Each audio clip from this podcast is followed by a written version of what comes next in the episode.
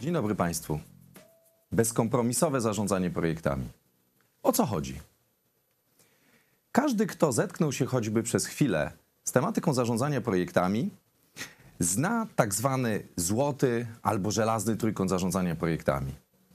W zarządzaniu projektami mówi się, że projekt powinien być zrobiony, dany zakres projektu powinien być zrobiony w określonym czasie, w określonym budżecie. Niektórzy dodają jeszcze nie wyczerpując ludzi. No, ja to dopisałem w takim małym nawiasie, takimi mniejszymi literami. E, Państwo sami wiecie dlaczego. No, oczywiście dlatego, że jeżeli pojawiają się problemy w projekcie, to który mm, z wymiarów projektu pierwszy ulega naruszeniu? No właśnie ludzki. Ludzie muszą zostać po godzinach, są dociskani, y, mają, nie wiem, przykręcaną śrubę, tego typu rzeczy. No i to jest taka piękna teoria. Mówi się, że to jest żelazny trójkąt zarządzania projektami, może czasami złoty trójkąt zarządzania projektami, a niektórzy tacy bardziej złociwi mówią, że to jest trójkąt bermudzki zarządzania projektami. To znaczy, jak project manager tam wpadnie, to już słuch po nim zaginął, już go nie ma. I to jest taka piękna teoria. Zakres w danym czasie, w budżecie, niektórzy jeszcze dodają jakość. Tak? O tych ludziach to tak już bądźmy realistami, dajmy sobie spokój, nie? Nie, nie można przecież mieć w życiu wszystkiego. No i, i to jest ta piękna teoria. Na każdych studiach, na każdym kursie zarządzania projektami wszyscy o tym mówią. Ale pytanie jest, jak wygląda praktyka. No więc ja pozwoliłem sobie przygotować takie zdjęcie praktyki zarządzania projektami, więc to jest ta praktyka. Państwo z pewnością poznają, być może ci, którzy bywają częściej w Warszawie, wiedzą, co to jest. To jest terminal drugi lotniska na Okęciu. O co chodzi? Otóż ci z nas, którzy śledzili w jakiś sposób powstanie tej, tej budowli, znają jej historię. A mianowicie ja sobie pozwoliłem jakiś czas temu, wiecie, proszę Państwa, w internecie nic nie ginie, to jest taka e, przypadłość naszych czasów, więc ja sobie postanowiłem prześledzić, jaka była historia budowy tego terminala. No więc wrzuciłem kiedyś do Google'a mm, takie hasło terminal drugi, lotnisko w Warszawie i opóźnienia. No i dostałem taką informację, że terminal powstanie z opóźnieniem. E, To znaczy konsorcjum, które budowało, chodzi tutaj o konkretnie listopad roku 2005, konsorcjum, które budowało ten terminal, poprosiło o przesunięcie, może przesunęlibyśmy na kwiecień 2006. Ja to nazywam taką koncepcją planowe opóźnienie zakończenia projektu. Tak? Pociąg e, ekspresowy odjedzie z opóźnieniem, czyli tutaj projekt odjedzie z opóźnieniem. Zanim się zaczęto tak naprawdę dobrze brać za budowę tego projektu, już pojawiła się koncepcja opóźnienia. Więc to jest, to jest pierwsza rzecz. Pytanie, co było dalej? No więc wrzucam do Google'a dalej e, projekt Terminal 2 opóźnienie, wrzucam zakres dat kwiecień 2006 i dostaję ten oto zapis. Terminal, okęcie, terminal drugi, nie wiadomo kiedy. Nie jest dobrze. Nie jest dobrze. No więc sprawdzam za jakiś czas, znowu wrzucam kolejny zakres dat. No i co widzę? Dostaję taki oto zapis. Terminal drugi na Okęciu ruszy już w lipcu. Polaczek. A kto to był Polaczek? Proszę Państwa, to był minister transportu, rok 2007. I już w lipcu, już w lipcu, rozwiązanie problemów jest w zasięgu ręki. No więc, proszę Państwa, jestem dociekliwy, jestem złośliwy, jestem wstrętny. Ja w tym Google śledzę dalej. No i znajduję następną rzecz. Co ja znajduję? Proszę Państwa, znajduję informację, która rzuciła mnie na kolana. Ja po prostu nie uwierzyłem, jak to zobaczyłem. Otóż znajduję informację, że terminal drugi będzie otwarty przed terminem 10 marca. No oczywiście ktoś powie, no ale jak to? Jak, jak przed terminem? Jak, jak tu, miał, tu miał być mm, w listopadzie, tu w marcu? No tak, przecież, proszę Państwa, przecież marzec jest przed listopadem. Tylko rok się nie zgadza. Prawda? Więc ktoś mógłby powiedzieć, w zarządzaniu projektem mogę podać zakończenie projektu z, dokładnością co do dnia, godziny, minuty, miesiąca, tylko roku nie mogę podawać. Wtedy zawsze mogę się upewnić, że projekt jest zrealizowany przez terminem. No i to jest mniej więcej taki obraz naszej pięknej teorii zarządzania projektami, że musi być zakres, musi być na czas, w budżecie. Niedawno byłem na lotnisku, podobno już została uruchomiona ta druga część, ona już została uruchomiona, ta, ta, ta, ta część A. Ja nie wiem, czy ona jest w pełni ukończona, ale wiem, że jest uruchomiona. Oczywiście ktoś mógłby powiedzieć, panie Marku, to jest przypadek jednostkowy, y, to się zdarzyło raz. Czy na pewno? Zapytajcie kolegów w innej firmie, jaka jest u nich terminowość realizacji projektów. Zapytajcie. Sprawdźcie.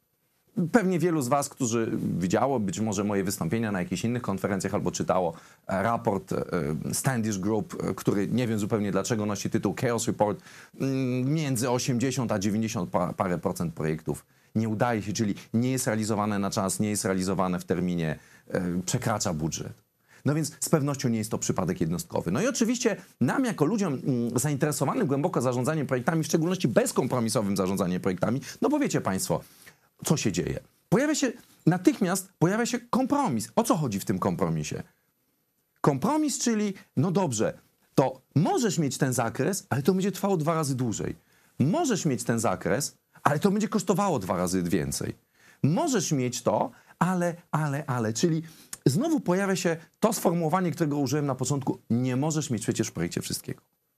No ale, proszę Państwa, no my nie po to zaczynamy pracę w projekcie. Nikt nie wsiada do statku, wiedząc, że ten statek nie dopłynie do celu. Więc dlaczego my w projekcie godzimy się na taką sytuację, że wszystkie obietnice projektowe nie są realizowane? Dlaczego my zaczynamy? Dlaczego w ogóle jest takie przyzwyczajenie, że, że można? No ktoś mówi, no bo to jest projekt. Więc zastanówmy się przez chwilę, dlaczego projekty się opóźniają. Gdybyśmy mieli troszeczkę więcej czasu, wykazałbym Państwu tezę, że to właśnie opóźnienia w projekcie są głównym źródłem problemów z zakresem i problemów z budżetem, ale niestety ze względu na skromne wymiary czasowe tego wystąpienia nie dam rady tego wytłumaczyć, więc w tym przypadku proszę uwierzcie mi na słowo albo zadajcie to jako pytanie. Jeżeli kogoś to zainteresuje, wtedy będziemy na koniec mieli jeszcze, jeszcze kilka minut pytań i odpowiedzi, wtedy ten wątek rozwinę. Ale gdybyśmy rzeczywiście przyjęli, że podstawowym problemem, praźródłem problemów w projektach z budżetem, z czasem, z ludźmi, z morale zespołu, z jakością jest to, że projekty się opóźniają, natychmiast powstaje pytanie, dlaczego projekty się opóźniają? Co jest przyczyną? Oczywiście, proszę Państwa, są tacy, co powiedzą, e, Marek, tak musi być.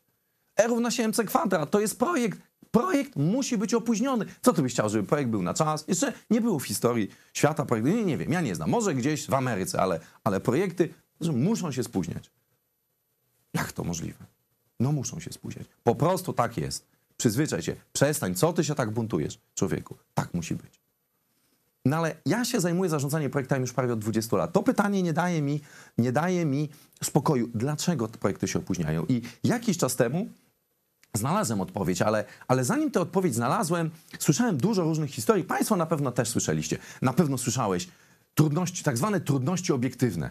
O co chodzi z tymi trudnościami obiektywnymi? Ci z Was, którzy żyją troszeczkę dłużej, to pamiętają czasy, kiedy nie było sznurówka, yy, yy, sznurówek, nie było, nie było sznurka do snopowiązek, nic nie było, trudności obiektywne. Pies mi zjadł zeszyt. No więc ja sobie znalazłem taki przykład trudności obiektywnych. Akurat z kiedyś znowu z internetu. Internet to jest, proszę Państwa, straszna rzecz, tam wszystko można znaleźć.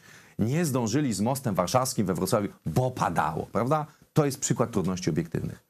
Czyli jeżeli byśmy zapytali kierownika projektu, dlaczego ten projekt się spóźnił, on zawsze znajdzie całą masę, całą listę rzeczy, które się naprawdę wydarzyły. To nie jest tak, że te trudności obiektywne nie zachodzą, ale pytanie jest takie, czy jest rzeczywiście możliwe, żeby te trudności obiektywne wyjaśniały to wszystko, taką skalę opóźnień. 80-90% przypadków znacznego opóźnienia, znacznego przekroczenia budżetu. Czy to jest rzeczywiście możliwe? No więc spróbujmy poszukać troszeczkę głębiej. Może ludzie robią to specjalnie. Ja chcę powiedzieć, tak nie jest. Ludzie są dobrzy, ludzie chcą skończyć projekt na czas, ale im się nie udaje z jakiegoś powodu. No więc, czy ludzie wiedzą, że projekt może się opóźnić, kiedy zaczynają? Oczywiście, proszę Państwa, Oczywiście, że wiedzą. Czy ludzie wiedzą, że jest jakiegoś rodzaju kara, jakiegoś rodzaju nieprzyjemność związana z tym, że projekt się opóźnia, że będą musieli zostać po godzinach, klient się będzie denerwował, ktoś będzie na nich krzyczał?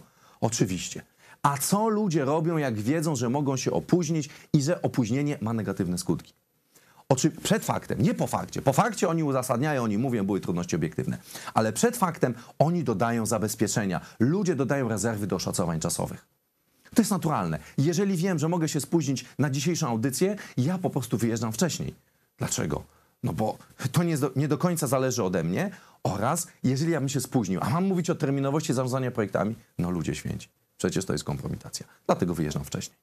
No więc może, proszę Państwa, może ludzie są nadmiernie optymistyczni, może ludzie dają za małe rezerwy, czyli o, tam jakiś mały napis, nie widzę tego, za, za małe rezerwy. Więc może gdybyśmy na budowę tego terminala dali sobie 30 lat, może wtedy by się udało. Czy aby na pewno? A może słyszeliście Państwo o takim zjawisku? Spóźniłem się, bo miałem za dużo czasu. Prawda? Więc teza, którą ja chciałem Państwu przedstawić jako przyczynę problemów z czasem w projekcie, która z kolei to, to opóźnienia są przyczyną całego szeregu innych negatywnych zjawisk, jest to, że rezerwy czasowe są marnowane. Czyli innymi słowy, sam mechanizm zabezpieczania się przed opóźnieniami w projekcie jest przyczyną tego, że te opóźnienia się pojawiają. Czyli tak, ludzie wiedzą, że mogą się opóźnić, wiedzą, że będzie nieprzyjemnie, więc tworzą rezerwy, po czym te rezerwy w jakiś dziwny sposób są marnowane. Jak to się dzieje? Otóż, proszę Państwa, okazuje się, że jest kilka takich mechanizmów marnowania rezerw. Jednym z nich jest syndrom studenta, drugim z nich jest prawo Parkinsona, punkty integracji, współdzielenie zasobów, błędne miary postępu prac i wreszcie jeden z moich ulubionych tematów zła wielozadaniowość. Jeżeli kogoś interesuje temat złej wielozadaniowości, to jest mój konik. Niech wpisze słowo zławiel jednym słowem, zławiel do internetu, zobaczę mnóstwo informacji, które, które jakoś y, ostatnio opublikowałem na ten temat. Ale to jest, to jest temat zła wielozadaniowość, to jest temat w ogóle na zupełnie inne spotkanie. Więc dzisiaj mamy czas, żeby poruszyć tylko jeden z tych y, powodów, jeden z tych mechanizmów marnowania rezerw, a mianowicie syndrom studenta. O co chodzi? Gdybyśmy mieli palcem w powietrzu narysować wysiłek studenta w przyswajaniu wiedzy w funkcji czasu pozostającego do egzaminu, no to jak ten wysiłek wygląda? Ja nie wiem, czy Państwo odrysują teraz w powietrzu palcem, czy nie. Przecież ja Was nie widzę. Wy widzicie mnie. Ale jestem przekonany, że ten wykres wygląda o mniej więcej o jakoś tak. Czyli na samym początku mamy ten zryw, student otwiera, e, łatwe. Co robi? Studiuje, studiuje. I nagle tuż przed terminem dowiaduje się, że egzamin jest przesunięty, zanim jeszcze się zaczął uczyć, że egzamin jest przesunięty o dwa tygodnie w prawo. Co robi? Oczywiście nic nie robi, studiuje dalej. Czyli, proszę Państwa, można powiedzieć, że dla wielu zadań w projekcie, nie dla wszystkich oczywiście, ale dla bardzo wielu, termin, który sobie zadamy, jest samospełniającą się przepowiednią. Ile byśmy sobie czasu nie dali, wtedy wywalczymy, mówimy, uff, mam czas, mogę się zająć czym innym. Zła wielozadaniowość, ja mam otwartych dużo tematów, zajmę się innym palącym tematem, albo po prostu będę studiować. Tak? Czyli to jest zjawisko syndrom studenta. Innymi słowy, jeden z kilku powodów, dla których wszystkie rezerwy czasowe są marnowane. A jeszcze co ciekawe, czym większe rezerwy czasowe sobie wywalczymy na poszczególne zadania w projekcie, tym silniej występują te mechanizmy marnowania czasu. Pytanie jest teraz takie: jeżeli ludzie tak robią, no to mamy dwa rozwiązania. Jeden, możemy szukać rozwiązania utopijnego. Zmieńmy ludzi. Mój przedmówca mówi o zmianie. Niech ludzie się zmienią. Weźmy takich ludzi, u których nie występuje syndrom studenta. To jest niemożliwe. Po prostu ludzie tacy są. Więc to, co potrzebujemy, żeby osiągnąć bezkompromisowe zarządzanie projektami na czas, w budżecie, pełen zakres, jakość, nie wyczerpując ludzi, potrzebujemy znaleźć jakąś metodę, jakiś mechanizm zagospodarowania, poradzenia sobie z tym, że ludzie są jacy są. Twórcą takiego mechanizmu jest dr Eliahu Goldratt, twórca metody łańcucha krytycznego. Być może niektórzy z Was słyszeli, jestem jednym z, jedną z osób w Polsce, która od, od już kilkunastu lat mówi o tym, więc e, myślę, że coraz więcej z Państwa już słyszało albo przynajmniej czytało książkę Łańcuch Krytyczny. Albo może widziało jakąś prezentację, a może, a może słyszeliście o jakimś projekcie zarządzanym metodą łańcucha krytycznego. Więc na czym w skrócie polega ta metoda? Metoda ta polega na tym, że ale zanim, na, na, zanim powiem dwa słowa, na czym polega metoda łańcucha krytycznego, spójrzmy jeszcze, jakie jest typowe podejście, standardowe podejście do zarządzania projektami. Otóż tak, jeżeli ktoś, osoba zarządzająca projektem, kierownik projektu, ma wyznaczony czas realizacji projektu. Naturalnie ta osoba nie chce się dowiedzieć na sam koniec, że projekt jest opóźniony. Więc projekt podzieli na etapy, przypisze do nich kamienie milowe, przypisze daty, mówiąc brzydko i zupełnie nie po polsku, milestone i deadline. Tak? A ta, ta czerwona kreseczka oznacza, że, że to jest, jakby można powiedzieć, taka, taka pręga, taki, taka kara. Tak? Czyli to nie jest tylko tak, że to jest wyznaczona data i okej, okay, dobra, spoko. Nie, nie, nie, to jest wyznaczona data. Jak się spóźnisz, to trzy kropki. Jakie straszne konsekwencje. No oczywiście ludzie nie chcą się spóźniać, więc nadmuchują te czasy. I co powstaje? Wtedy oczywiście ktoś te czasy im skraca, no ale w takim e, w takiej grze, ja wiem, że ty wiesz, ja dodaję więcej, ja trochę ścinam i tak, i tak. Na koniec okazuje się, że te czasy są nadmuchane. I co? Jak przychodzi do realizacji projektu? Praca w projekcie przebiega rytmicznie. Od deadline'u do deadline'u. Zrywami przebiega, tak? Czyli proszę Państwa, te wszystkie rezerwy, zanim one jeszcze są potrzebne, zostaną zmarnowane. Metodą łańcucha krytycznego na etapie planowania dla jednego projektu, czyli to, co teraz mówię, metoda łańcucha krytycznego jest w ogóle metodą zarządzania w środowisku wieloprojektowym, no ale mamy ograniczoną ilość czasu, więc ja się skupię tylko i wyłącznie na sytuacji jednego projektu. I dwa słowa na teraz na temat planowania w projekcie. Metoda ta polega na tym, że wszystkie rezerwy czasowe skupiamy na koniec w tak zwanym buforze projektu. Natomiast indywidualne czasy realizacji poszczególnych zadań przestają być tak naprawdę istotne. Jedyne, co musimy zebrać, mam zawsze jak robię tego typu prezentacje, ludzie pytają, no dobrze, ale jak to z ludzi wydobyć te czasy ambitne, te czasy, które, które tak naprawdę są niemożliwe do dotrzymania. Czyli oszacowania, ale proszę Państwa, jeżeli być może zadacie to pytanie mm, w, e, w trakcie sesji pytań, ale uprzedzając powiem dwa słowa. Jeżeli okazuje się, że zabieramy ludziom powód do nadmuchiwania oszacowań, oni przestaną reagować nerwowo na to, że te oszacowania zostaną skrócone i zawartość pracy w pracy osiągnie 100%, czyli przyjmiemy czasy bardzo ambitne. Czyli a na te nieuniknione problemy, które pojawią się w projekcie, zostawiamy sobie rezerwę czasową. Tak? Ja wiem, to jest nieprecyzyjne, to jest bardzo krótkie, to jest skrótowe, ale tak to działa. Zrealizowałem wraz z zespołem w Mandarinę Project Partners bardzo wiele projektów tą metodą.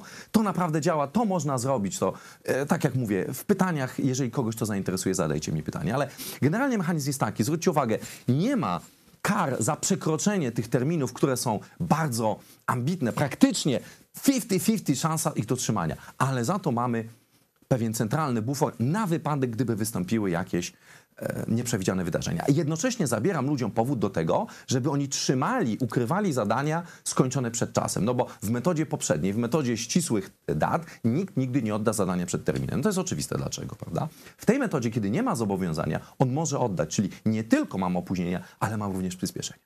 Oczywiście natychmiast pojawia się pytanie, no a co zrobić, żeby całego bufora czasowego nie zmarnować na samym początku? Robi się to tak. Bufor projektu dzielimy na trzy strefy. Za chwilkę powiem na, e, w jaki sposób. Zieloną, żółtą i czerwoną. I teraz, jeżeli projekt jest realizowany, to Państwo widzicie, że zadania trwają dłużej, jedne dłużej, drugie krócej. Projekty są, ich naturą jest zmienność, czyli może okazać się, że zadanie trwa dłużej, że ono przekracza ten czas, ale to nie ma żadnego znaczenia, ponieważ mam centralny bufor. A może się tak też okazać, że ja w trakcie realizacji projektu już widzę, że z tym projektem nie zdążę, bo skumulowane czasy realizacji projektu wyrzucają koniec mm, zadań, e, koniec łańcucha zadań poza bufor. Ale ja już to wiem od razu, wtedy mogę renegocjować. Terminowość realizacji projektu w metodzie łańcucha krytycznego jest około 95% na plus, czyli 95% projektów zrealizowanych w terminie, nie 100%. 100% się nie da, więc czasami pojawia się ta czarna lampka, wtedy projekt trzeba przeplanować. Ok, teraz jak ja zarządzam realizacją projektu w trakcie? Otóż, proszę Państwa, wszyscy wiemy, że jeżeli zrobiłem, tylko zacząłem realizować projekt, na osi X-ów mam procent ukończenia najdłuższego łańcucha w projekcie, na osi Y, ile mnie to kosztowało zapasu czasu, no to jeżeli ja na samym początku już zużyłem prawie cały zapas, czy połowę zapasu czasu, to jest źle. A jak na koniec została mi jeszcze połowa, to nie jest tak źle. Czyli, proszę Państwa, mniej więcej to jest typowy przebieg zużycia e, bufora projektu. Innymi słowy, ta kreska pionowa, którą tu widzicie na granicy strefy żółtej i czerwonej, ona oznacza czas płynie, ja zużywam bufor, prace w projekcie się nie posuwają, tak? Czyli to jest taki sygnał, czyli taki system wyprzedzający, tak? Jeden z mechanizmów, dla, które umożliwiają mi niezmarnowanie całego bufora, zanim zaczniemy. To jest główna przeszkoda, czy jeden z głównych zarzutów. Oprócz tego, no jak oczywiście zmusić ludzi, jeszcze są pytania, a czy, a czy e, inni powinni widzieć ten bufor, czy nie. Ja to odsuwam to na, na sesję pytań, jeżeli one się pojawią. Czyli tak wygląda typowo zarządzany projekt. Czyli kierownik projektu widzi od razu, co się dzieje, ma informację obiektywną. No to jest taki rysunek poglądowy. To jest rysunek z jednego z rzeczywistych projektów, które realizowaliśmy z klientem. E, to się nazywa Fever Chart, czyli wykres gorączki w projekcie. To jest dalszy ciąg tego projektu. Więc Państwo widzicie, że ten projekt przebiegał nerwowo, czyli innymi słowy, od razu Państwo widzicie, nie, nie potrzebowaliście dużego szkolenia, tak, żeby zobaczyć obiektywny stan tego projektu w tej metodzie nie ma jakiegoś e, zbierania nasiadówki, to niech każdy powie, co u niego. Są pewne obiektywne informacje, za chwilę skąd one się, one się biorą. Inny przykład, przykład e, realizowany z kolei przez studentów Wyższej Szkoły Bankowej we Wrocławiu w ramach prac podyplomowych, no bo jeżeli Państwo zdecydujecie się zostać studentami e, na WSB, e, no niestety zaliczenie nie jest tylko za dowodem opłaty, trzeba zrealizować projekt, trzeba pokazać swoje wyniki. Państwo widzicie, że ten projekt on nigdy nie był zagrożony, tak? Czyli obiektywnie wiemy, że tego rodzaju projekty można było zrealizować dużo szybciej. Kończąc tę galerię mm, fever chartów, czyli tych wykresów gorączki projektowej, pokażę wam taki kuriozum, to jest znowu inny przypadek, nie powiem wam jaka firma, e, nie powiem jaki, jaki przypadek, no to od razu widać, ten projekt nie był zarządzany, to była katastrofa, czyli, czyli nie wiedząc zupełnie nic o projekcie, analizując taki jakby EKG projektu, mogę jako lekarz projektowy, jako projektolog mogę sprawdzić, jaki jest stan projektu, czy ten projekt jest dobrze zarządzany.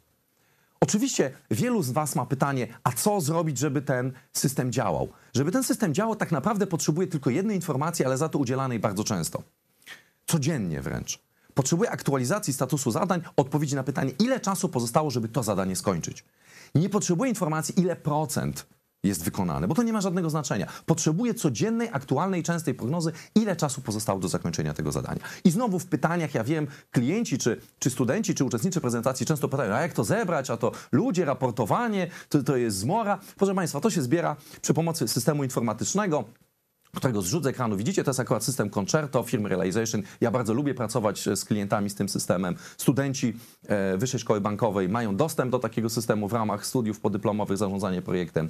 Także e, nie będę to nie, nie, nie, będę tego analizował, ale tak naprawdę chodzi o wpisanie w okienku. Jeżeli mogę prosić o zbliżenie jeszcze raz na, na planszę. Tutaj Państwo widzicie taką, takie okienko. E, czas pozostający do końca to jest, to jest zaznaczenie mm, pewnych informacji i tam wpisuję wpisujemy i naciskamy aktualizuj i to jest cała filozofia, czyli ja po prostu jako kierownik zadania jestem zmuszony do częstych kontaktów z zespołem, do częstego e, informowania i dobycia na bieżąco. Na podstawie tego system wytwarza taką, taki obraz projektu codziennie aktualizowany. To zajmuje aktualizacja dla jednej osoby, dla jednego kierownika zadania tyle co papierosek, więc... E, nie, nie, oczywiście ludzie mają zawsze wątpliwości, czy tak, czy nie, czy to działa, czy ja będę miał czas.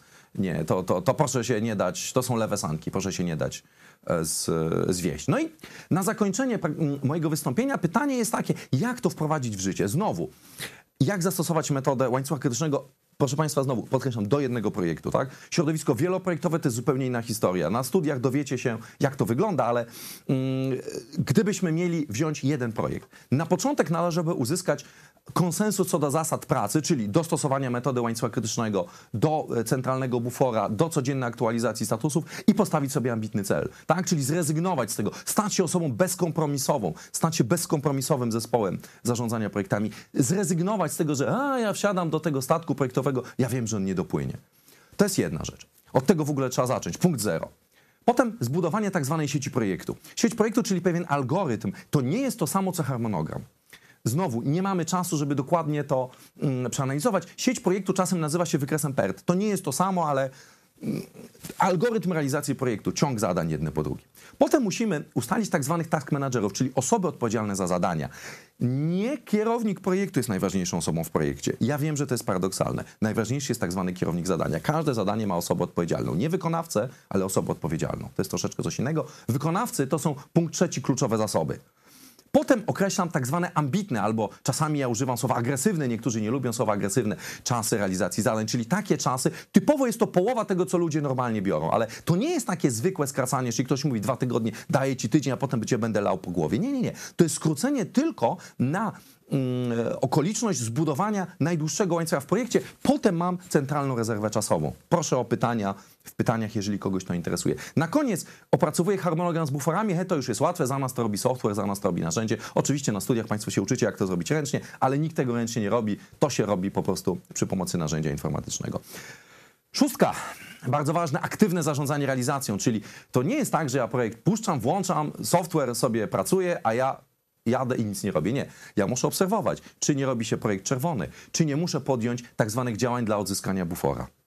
No i wreszcie ostatnia rzecz, obserwując jeden projekt po drugim, ja zbieram, być może ci z Was, którzy byli uważni, zaobserwowali, że jest takie, tam było takie pole e, potrzebna pomoc, czyli ja zbieram systematycznie powody opóźnień w projektach, dlaczego zadania robią się czerwone? I na tej podstawie mogę potem wykonać anali- analizę Pareto i zobaczyć, jakie opóźnienia w projekcie, jakie przyczyny, czy to jest podpis prezesa, czy to jest zatwierdzenie przez jakiś dział, czy to jest zakup jakiegoś komponentu. I dlatego kolejny projekt ma mechanizm ciągłego doskonalenia. Ci z Was, którzy czytali cel 1 Goldrata, wiedzą PUGI, Process of Ongoing Improvement, proces ciągłego doskonalenia. Proszę Państwa, no to było takim mm, galopem przez zarządzanie projektami. Yy, Dwa czy cztery dni wiedzy ściśnięte do dwudziestu paru minut. Jeżeli chcielibyście dowiedzieć się więcej, zapraszam oczywiście do zapoznania się mm, z materiałem, który jest um, umieszczony na, na stronie mandarinę.co ukośnik WSB. Tam macie informacje o studiach podyplomowych zarządzania projektami. Jeżeli pogrzebiecie troszeczkę po stronie Mandarinę, też znajdziecie, czy w internecie, czy na stronach e, WSB, znajdziecie więcej informacji na temat łańcucha krytycznego. E, Jest książka mm, Łańcuch krytyczny doktora Goldrata, są e, artykuły, są prezentacje, są mm, wystąpienia na YouTubie. Serdecznie zapraszam do sprawdzenia i zastanowienia się, czy jeżeli rzeczywiście wasz projekt jest ważny, czy jeżeli chcecie być osobami bezkompromisowymi, jeżeli chcecie osiągnąć inny rezultat, czy jesteście gotowi na to, żeby robić w waszych projektach coś inaczej? Bo osiągnąć inne wyniki możecie tylko robić coś zupełnie innego niż do tej pory. Dziękuję za uwagę.